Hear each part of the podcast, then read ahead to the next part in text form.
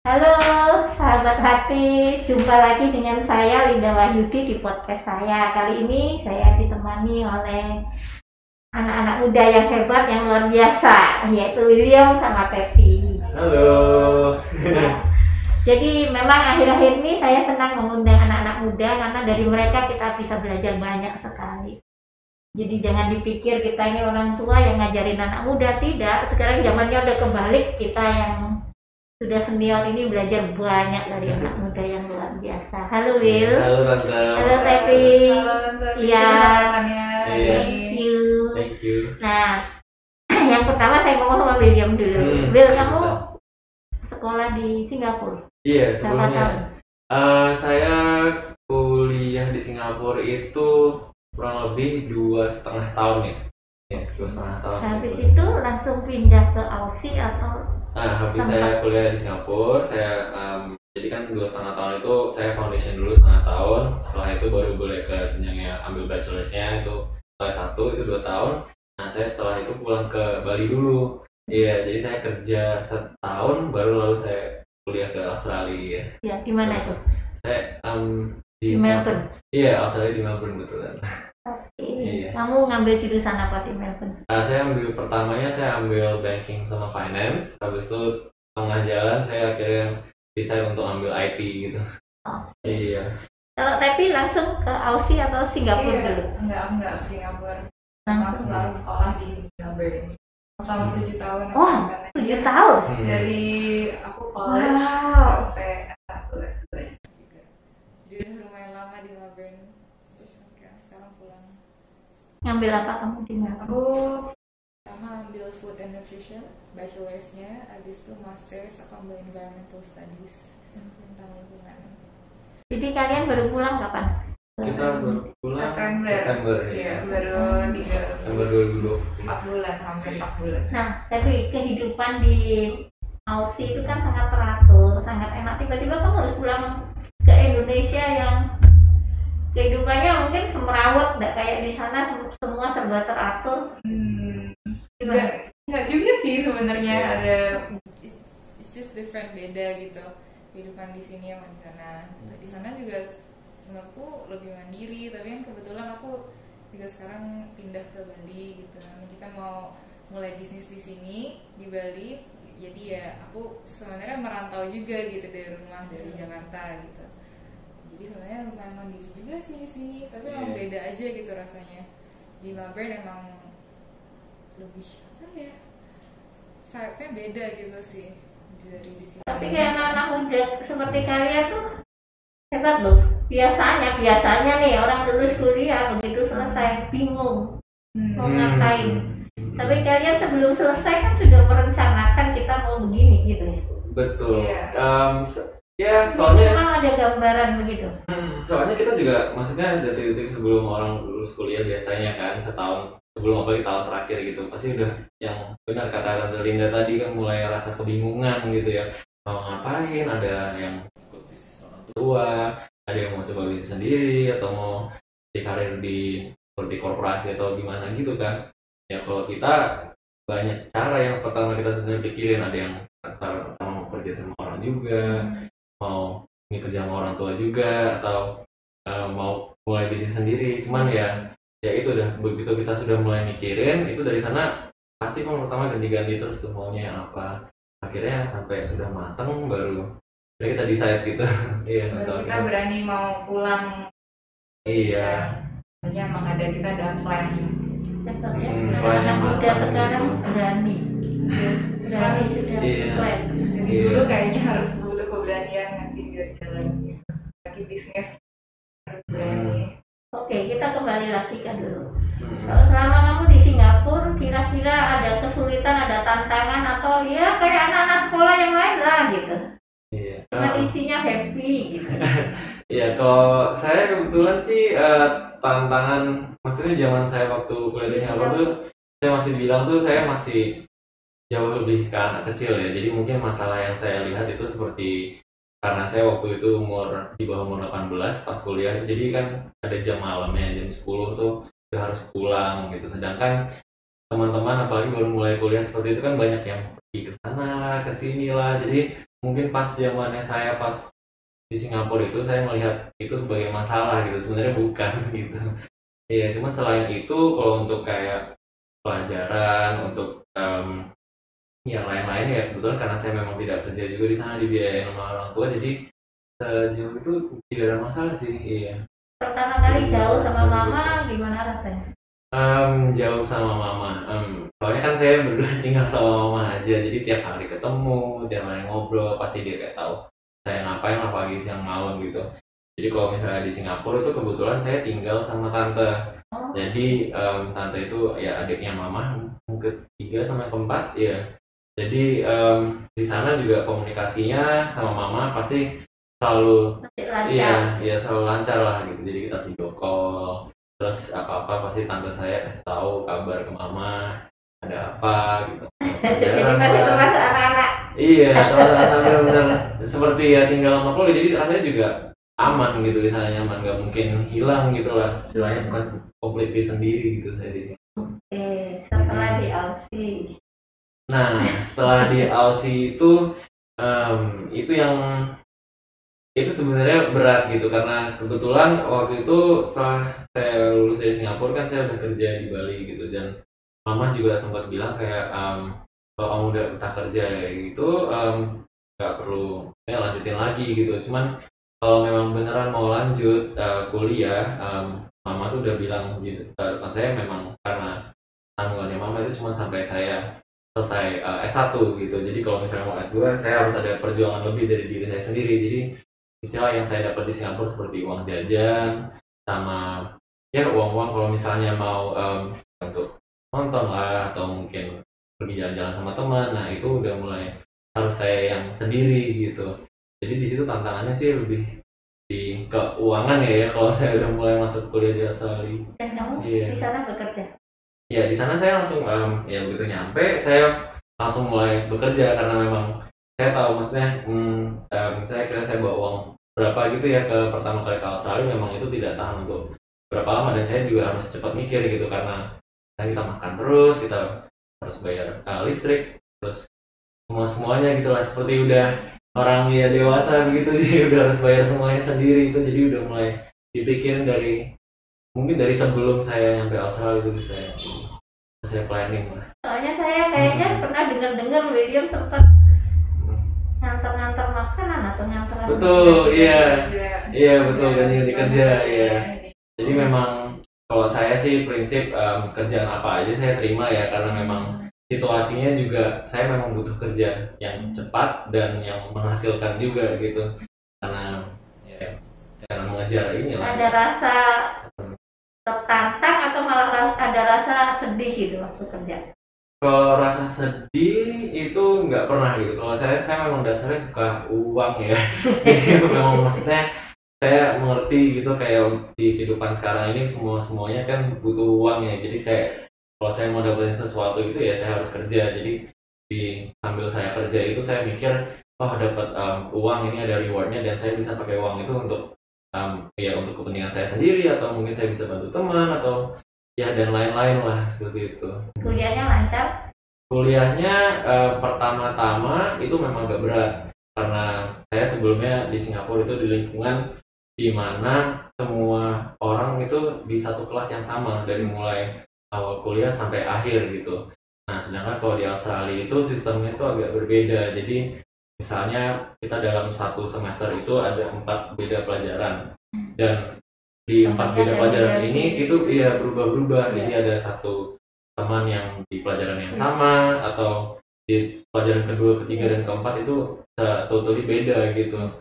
Nah di sana saya merasa karena saya memang orang itu suka barengan sama teman juga ya. Kalau misalnya sama-sama teman belajar juga semuanya lebih um, lebih cepat dan lebih enak gitu yang nggak ngerti bisa tanya. Kalau misalnya yang ngerti bisa juga kasih tahu ke teman-temannya. Sedangkan di Melbourne itu menurut saya kurang yang seperti itu. Jadi saya agak kaget di sistem pembelajarannya itu di situ. Oke, kalau tapi gimana? Selama kuliah di Melbourne is oke maksudnya lancar-lancar aja? Iya, atau iya. ada tantangan? Tuhan lancar semua ke ya untuk pertemanan? Pertemanan emang betul sih. Kayak bilang-bilang itu rada susah.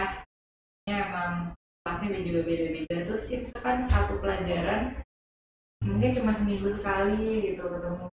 Dan mungkin obrolan juga seputaran pelajarannya tugasnya tapi lebih dari itu mungkin nggak ada sama lain gitu sama teman-teman kelas Kamu jadi di asrama atau di kos? Uh, enggak, aku tinggal ada sempat pertama-tama mungkin tiga tahun pertama itu loncat-loncat pindah-pindah apartemen. Sempat uh, iya sih Share gitu. share ya tapi kayak kurang nyaman kan ya terus ujung-ujungnya ada apart- apartemen gitu. Tapi sekarang adikku pindah juga Oh. lanjutin sekolah di sana gitu. Jadi kita tinggal bareng. Jadi lebih nyaman lah gitu tinggal sama adik sendiri. Kuliahnya lancar. Iya lancar. semua iya. Tapi ya itu juga sebenarnya setelah habis selesai ambil bachelor satu kan sedikit bingung gitu apa mau kerja sekarang atau masih kurang yakin gitu. Kita kebetulan boleh ambil S2 lagi, barusan ambil S2 lagi. Baru deh ketemu gitu ada apa ya ide mau buat tisu ini gitu. bisnis kita ini yang akan kita jalani di Bali.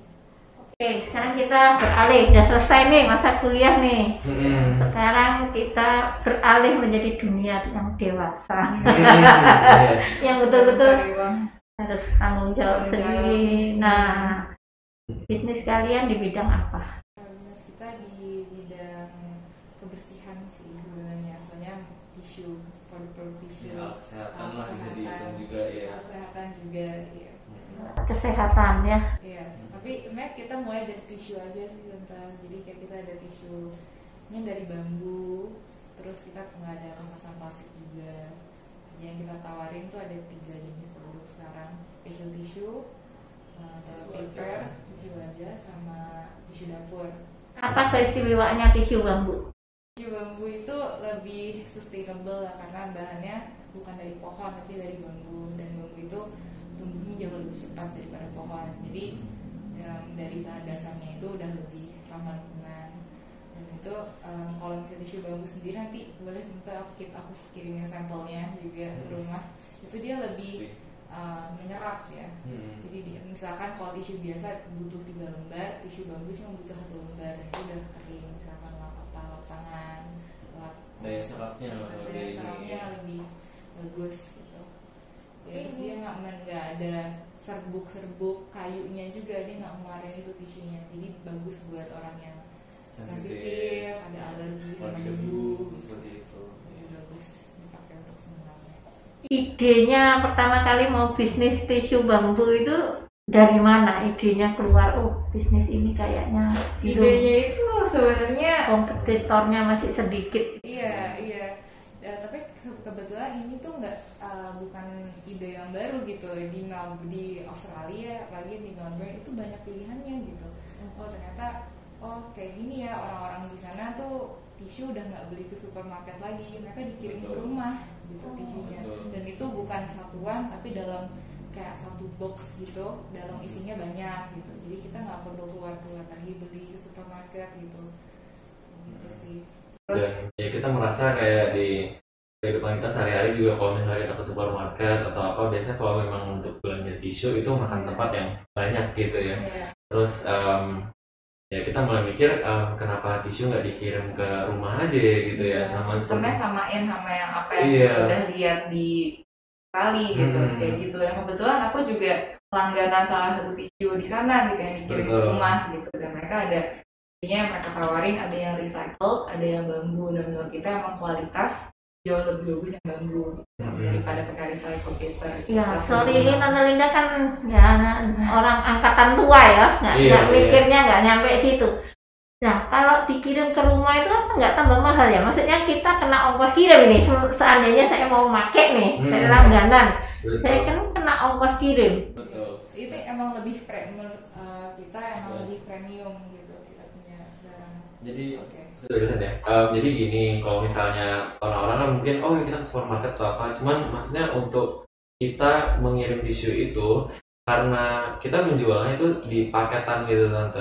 Jadi tante secara tidak langsung tuh beli em, lebih Langsung banyak gitu. ah, tisu Dan- dapur, tisu wajah, Iya, misalnya betul. gitu. Oke. Betul. Iya dan untuk kalau misalnya pembelian di kuantiti yang lebih tinggi, jelas pasti harganya lebih murah Murah. gitu ketimbang kita belinya em, sedikit demi sedikit atau em, ya eceran atau retail gitu ya jadi kita di sana yang menganjurkannya ya memang maksudnya untuk beli tisu kan kebetulan sudah kita kirim juga jadi memang sudah dalam bentuk ini kan em, satu dus gitu jadi kita sebagai ke konsumen itu tidak repot gitu Ini kan Hmm. maaf ini nanya, maksudnya Hmm. ongkos kirim tuh tetap kena Nah, kalau pengiriman misalnya. Nah, kalau untuk kita di perencanaan ke depannya itu jika tante berlangganan sama kita, itu kita gratiskan ongkos kirim. Gitu. Iya. Bagus itu. Oh, marketingin Iya, Iya. untuk mensupport anak-anak muda gitu. Nah, ketika kamu memutuskan untuk bisnis sendiri, Mm-mm. itu kalian minta support dari orang tua untuk modal? Ada Iya, investor ya jelas pasti. Jadi, Ya, Iya. kita investor utama kita pasti jelas orang tua kita Iya. masing-masing ya. Saya dari iya. oh, Sama soalnya juga. modalnya nggak sedikit ya Iya. buat ya ternyata Pastinya. Oke. dan yang jelas kita minta kepercayaan orang tua lah gitu jadi sebelum kita memang em, kita kan sebentar lagi kan baru mulai ya jadi memang kayak proses tahapannya itu juga lumayan uh, lama mungkin kita udah setahun kita udah planning ini dan seiring kita planning ini kita kasih tahu setiap plan yang bakal Ya, kita, kita buatin lakuin bisnis gitu. plan kita kasih pitch juga gitu jadi benar-benar Hmm. kayak ngomong ke investor gitu sih lumayan Iya. deg-degan juga waktu itu pas ngomong Iya. ke orang tua gitu Iya, kasih tahu idenya kayak gimana betul. harus harus semuanya Mm. perhitungannya juga gitu. Selama kalau udah iya baru Baru iya kita baru bisa iya lanjut Kalau ya. revisi revisi gitu Iya, dari kedua orang tua kita sih. Iya. Iya. Ya, soalnya orang tua kalian kan pengalaman bisnisnya Iya, sudah betul luar biasa iya matang. betul jadi kita memang harus iya butuh kalau mereka mereka percaya bisa oke Iya. baru kita jalan nih ya Jadi ketika su- Mm. dulu jadi anak mama ya, maksudnya semua kuliah oke beres semua gitu ya. Sekarang mulai mau masuk ke tengah hutan nih, hutan Iya, rimba betul. nih. benar-benar hutan sih Kamu anggap sekolah lagi nih, sekolah dalam bidang bisnis ini mulai Iya, iya mulai nol. yang ya yang kita rasakan sih em, gini untuk kayak setiap keputusan yang kita ambil kalau misalnya salah atau berdampaknya besar atau fatal itu benar-benar serius di sekarang ini gitu yang timbang kita waktu sekolah itu em, gimana ya em, maksudnya semuanya sudah ada jalannya ya pelajaran apa yang harus kita pelajarin terus tugas apa ini semua kapan harus belajar kapan harus menjadi tugas kita semua dan sedangkan kalau kita mulai bisnis ini sendiri dibantu sama orang tua betul secara support juga ini apa. Iya financial juga, tapi secara untuk em, step-step yang mana yang harus kita ambil itu semua kita harus bikin sendiri. Dan jika kita salah step ya itu berdampaknya di bisnisnya kita ini gitu. Jadi nggak masalah ini ya, beratnya gitu. Tapi semua itu kita udah peroleh lah dari pendidikan kita juga. Betul, kita iya. percaya aja gitu apa Iya harus percaya. ilmu yang kita betul. punya kita bisa pakai untuk bisnis kita gitu. Oke, di sisi yang lain nih, Hmm. kalian melibatkan Tuhan tidak di dalam bisnis ini? Iya. Kita melibatkan Tuhan. Iya Aku pasti. iya sih. Aku menurutku aku iya personally ya. dulu. Iya. Ya. Soalnya apa ya banyak apa ya em, hal yang nggak kita bisa kita perkirakan gitu loh. Betul. Dan banyak banget hal yang di luar kita gitu loh. Di luar dugaan. Karena juga. untuk anak muda seperti kalian itu, saya melihat sangat matang gitu. Hmm. Melibatkan Tuhan itu kan tidak semua anak muda pikirannya sampai situ, makanya saya nanya. Betul. Kalau memang jujur untuk awal-awal semua kita pikirin em, yang kita pikirin tuh memang based on dari apa yang kita sudah pelajarin ya Hmm. selama kita kuliah, selama kita ya berpengalaman kerja juga, pengalaman hidup. Cuman setelah kita mulai bisnis ini, mulai kita sudah mulai em, eh, kontak, eh, kontak dengan eh, supplier kita misalnya, sudah mulai kan banyak ah, A B C D E F G nya ya. Jadi banyak sekali hal yang kita tidak sangka itu terjadi gitu tante. Dan kadang-kadang tuh sampai kita mikirnya aduh apa apa ini bisa apa enggak? Kita udah mau nyerah apa apa gimana? gitu enaknya. Dan ya memang kayak akhirnya di poin-poin di mana kita mulai stuck di mulai ini ya memang banyak ketidakpastian ketidakpastian betul ya kita juga ya ikut lah gitu gimana gitu Mm-mm. terus Ya. mau mau mau minta tolongnya sama siapa Iya, gitu misalkan iya Ya. karena saya yakin yakinnya kita Iya. kita dengan bisnis kita dengan kita mikirannya matang-matang juga hmm, di ujung-ujungnya ya ada faktor X iya betul ada faktor X itu iya dan itu di mana kita nggak bisa nyari jawaban lain kecuali kita ya kembali ke Tuhan gitu jadi benar-benar deh ya berdampak ya yang penting kan uh, kita juga mau mulai ide atau bisnis atau apa pun itu tuh dengan apa ya niatnya juga baik. Betul. nggak ada yang mau jatuhin siapa atau merugiin siapa gitu. Jadi ya Mhm. mudah-mudahan apa pun yang kita jalani itu ya dibuat jalannya gitu sama Tuhan gitu. Mungkin ini kan skalanya Bali atau langsung nasional Nah, kita mulai dari untuk- Bali maunya nasional Iya, ya kita untuk awal mungkin dua Iya. kota dulu sih Bali sama Jakarta. Iya, kita kan karena staff orang Jakarta. Iya. Kalau bisa udah mulai kita lebih banyak peminatnya di luar kota yang lain ya pasti kita mau expand gitu. Iya betul. Karena kita di sini goalnya maksudnya em, selain memang tisu itu em, terbuat dari bahan yang lebih sustainable seperti bambu, kita juga mau targetnya untuk tidak menggunakan plastik di dalam packaging Iya. tisu. Jadi kan kita udah lihat juga di Bali dan em, ya sekitarnya mungkin sudah mulai berbicara sekarang ya tidak pakai sedotan plastik, tidak pakai plastik untuk kresek untuk em, belanjaan sehari-hari kan.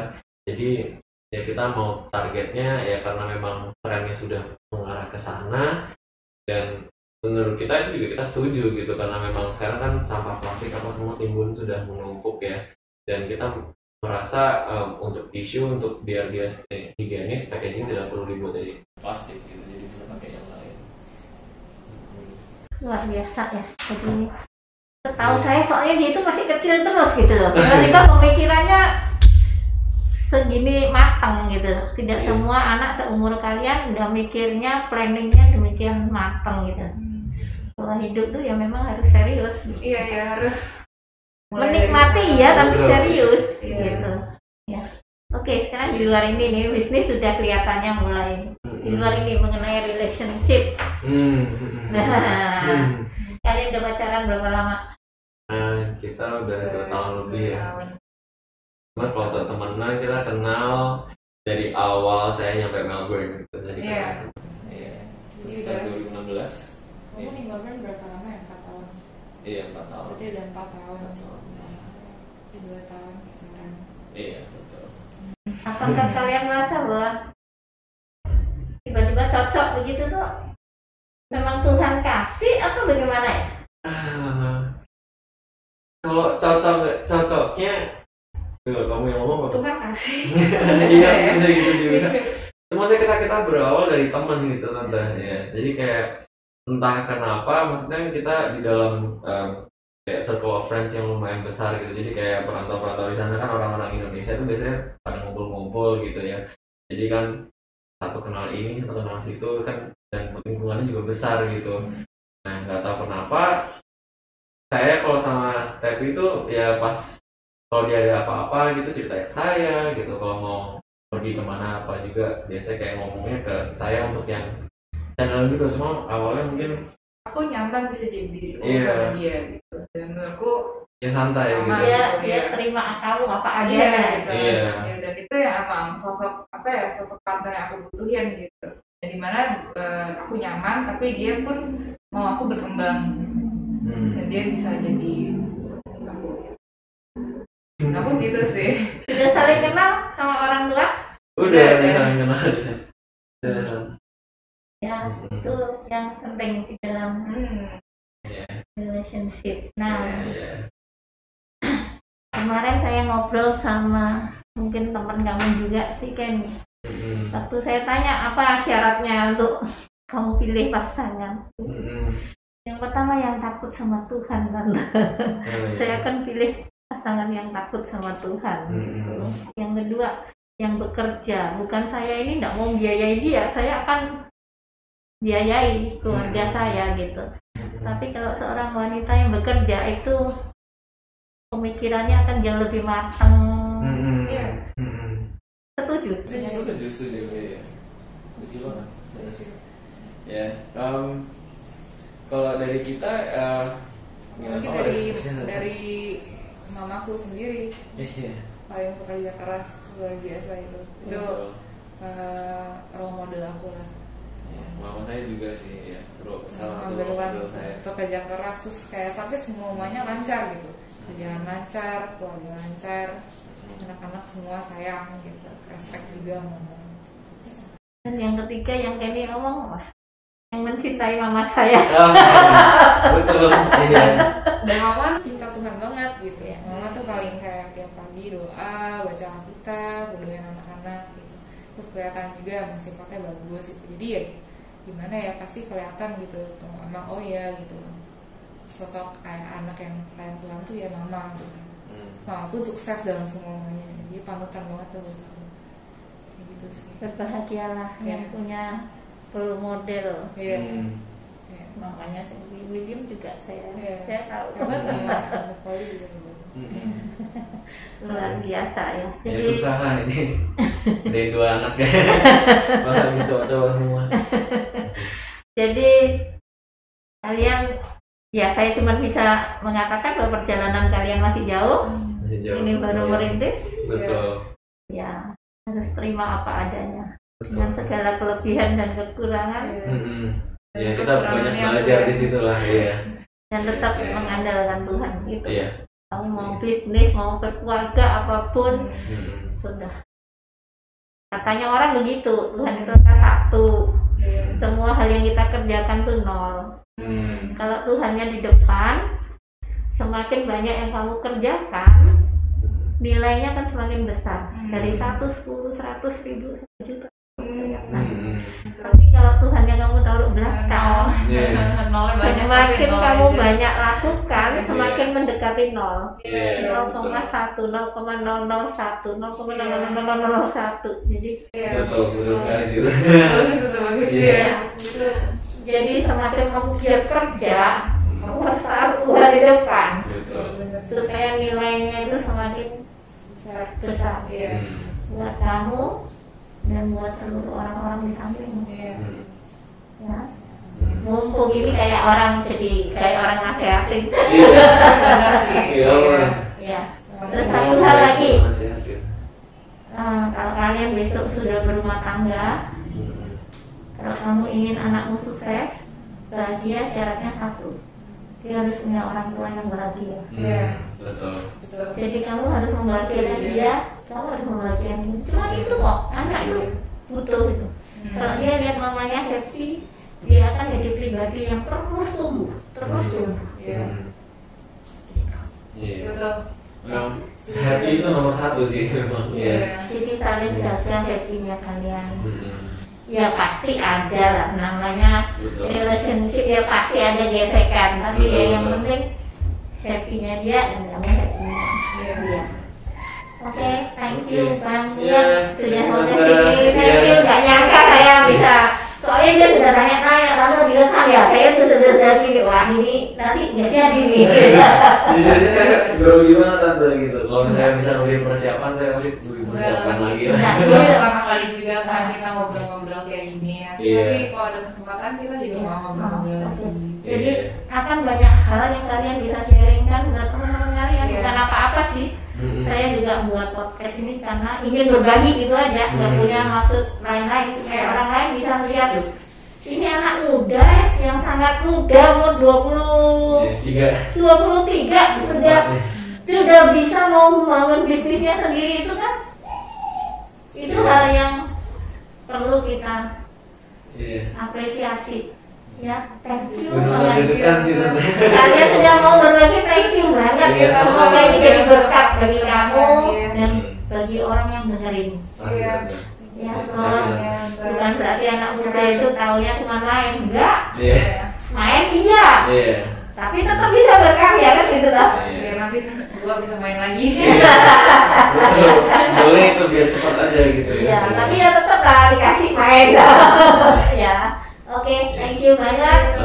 Thank you teman-teman. Sampai jumpa. Lain kali saya akan undang lagi. Oke. Okay. Bye.